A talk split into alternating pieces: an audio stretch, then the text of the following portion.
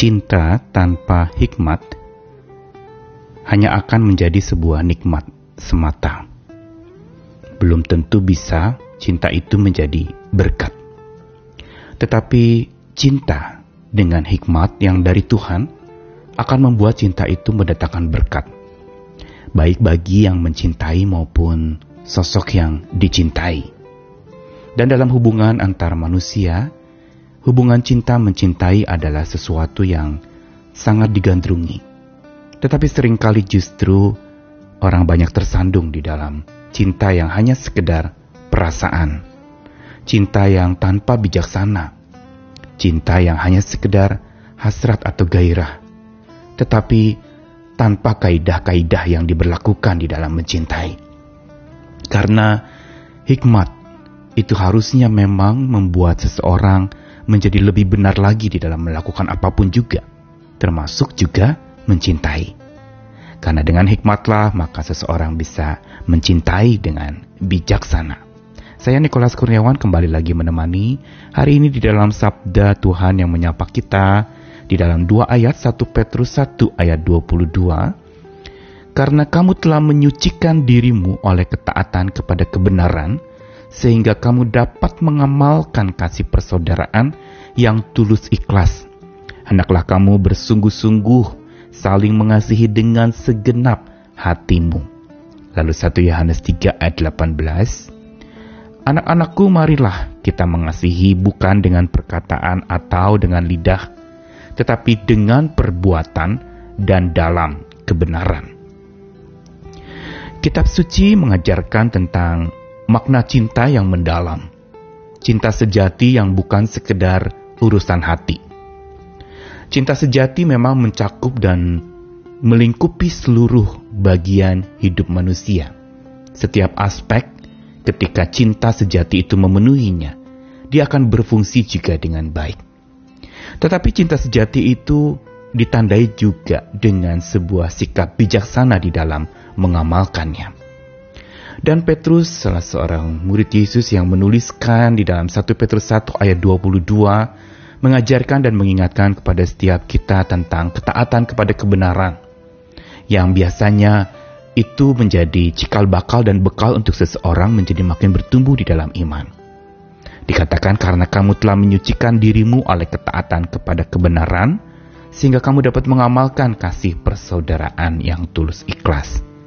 Dengan kata lain, Petrus ingin mengatakan bahwa setelah kita percaya kepada Tuhan, menyucikan diri oleh kekuatan Tuhan atau disucikan oleh Tuhan, oleh ketaatan kepada kebenaran sikap yang kita harus lakukan, maka dari situlah kita baru dapat mengamalkan kasih persaudaraan yang tulus ikhlas. Dengan kata lain pula, di dalam bagian ini sesungguhnya ketaatan kepada kebenaran itu menjadi cikal bakal untuk kasih persaudaraan yang benar, yang tulus ikhlas itu bisa terlaksana. Dan ini yang saya namakan hikmat. Bukankah hikmat identik dengan kebenaran? Orang yang takut akan Tuhan akan selalu berjuang untuk hidup benar dan berpegang kepada kebenaran. Bukan dusta, bukan sebuah kepura-puraan, tapi satu ketulusan dan sebuah kejujuran. Inilah harusnya cinta yang digerakkan, dikemas, dan dipraktekkan serta diamalkan dengan kekuatan hikmat Tuhan. Bukan sekedar nikmat semata, bukan juga sekedar untuk supaya seseorang bisa menikmati dan merasakan cinta itu. Tetapi cinta itu justru mendatangkan berkat bagi orang yang mencintai maupun bagi orang yang dicintai. Dua belah pihak mengalami berkat Tuhan karena hikmat Tuhan yang menggerakkan mereka. Dan dikatakan hendaklah kamu bersungguh-sungguh saling mengasihi dengan segenap hati. Yang berarti bahwa kasih persaudaraan yang diamalkan dengan tulus ikhlas itu adalah sebuah kasih persaudaraan yang bukan sekedar dipraktekkan untuk ditunjukkan tetapi ada ketersalingan di sana. Sungguh-sungguh saling mengasihi dengan segenap hatimu dan pesan ini menjadi sangat penting di dalam pengamalan kasih persaudaraan yang kita harusnya tiap hari bangun di dalam hubungan-hubungan kita dengan siapa pun juga. Karena tanpa itu maka hidup kita akan dipenuhi ketakutan. Tapi bila kasih Tuhan memenuhi hati kita, kasih kita kepada saudara kita praktikkan dan amalkan senantiasa, Ketakutan tidak dapat menghampiri kita, mungkin menjenguk sebentar, tetapi dia tidak akan pernah ingin tinggal di dalam hati orang yang sudah diliputi, dilingkupi, dan mempraktekkan kasih Tuhan itu kepada sesama. Dan ayat dari 1 Petrus 1 ayat 22 ini seolah dikonfirmasi oleh Yohanes pula di dalam 1 Yohanes 3 ayat 18 dengan mengatakan, Mari kita mengasihi bukan dengan perkataan atau dengan lidah, tapi dengan perbuatan dan dalam kebenaran. Inilah cinta yang bijaksana. Cinta yang dilakukan dengan tindakan dan kebenaran bukan sekedar kata-kata semata. Bukan sekedar ungkapan-ungkapan cinta yang dinyatakan tapi sebuah karya cinta, perbuatan cinta, dan kebenaran cinta yang dipraktekkan. Mengapa menjadi begitu penting kebenaran dan bijaksana yang dari Tuhan itu memenuhi hati kita di dalam kita mencintai? Karena hanya inilah bijaksana yang dari Tuhanlah cinta dapat terlaksana dengan bijak. Tanpa bijaksana Tuhan, cinta tidak terlaksana dengan bijak. Mengapa demikian? Karena bijaksana bukan hanya membuat cinta itu menjadi jujur.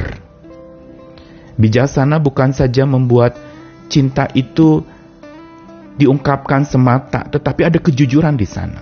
Ada keterbukaan, ada ketransparanan. Dan dengan cinta yang jujur inilah maka kita sebenarnya mencintai dengan bijaksana.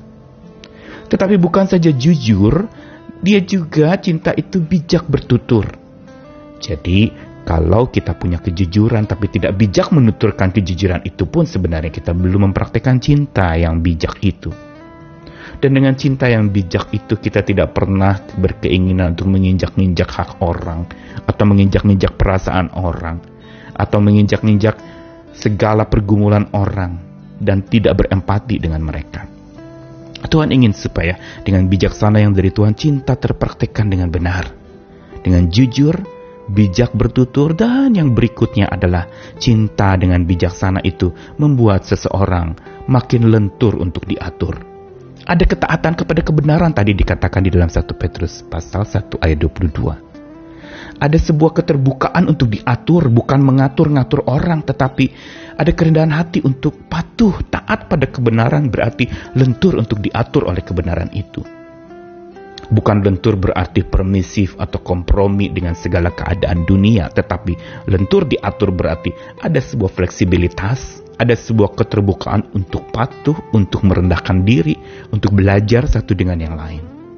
Ini cinta sejati yang dipenuhi dengan bijaksana yang dari Tuhan.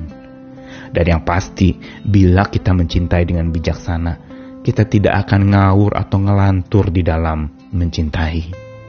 Tidak ngawur berarti tidak menyimpang, tidak ngawur berarti ada di jalan yang lurus. Bukankah tadi dikatakan mengasihi dengan tulus, ikhlas, berarti ada ketulusan hati dan ada kelurusan jalan yang kita lakukan. Tidak menyimpang ke kanan dan ke kiri, fokus, tidak ngawur. Begitu juga tidak ngelantur atau menjadi sesuatu yang sekedar atau sembarangan dipraktikkan. Cintai orang lain dengan bijaksana berarti bukan sembarangan mempraktekannya, namun melakukannya dengan ketulusan, dengan kelurusan hati, dengan kekuatan yang dari Tuhan yang membuat seseorang bisa mengalami cinta Tuhan. Di masa-masa penuh ketakutan hari ini, banyak orang yang sedang mengalami berbagai macam khawatir akan hari esok, kecemasan akan segala macam masa depan mereka. Praktek cinta menjadi begitu penting untuk kita lakukan supaya mengenyahkan segala macam ketakutan yang menggerogoti iman kita, yang membuat kita tidak dapat maju lagi dan melangkah lagi di dalam bersemangat untuk tetap ikut Tuhan. Karena itu mari kita amalkan cinta kasih persaudaraan itu dengan bijaksana dan dalam kebenaran. Sehingga kita sungguh-sungguh bisa menjadi pribadi-pribadi yang penuh cinta sekaligus penuh hikmat. Sehingga cinta dengan hikmat yang dari Tuhan menjadi berkat buat kita pelaku-pelakunya dan buat orang-orang yang menerima cinta itu. Selamat mencintai, semangat lagi memulai kembali. Amin.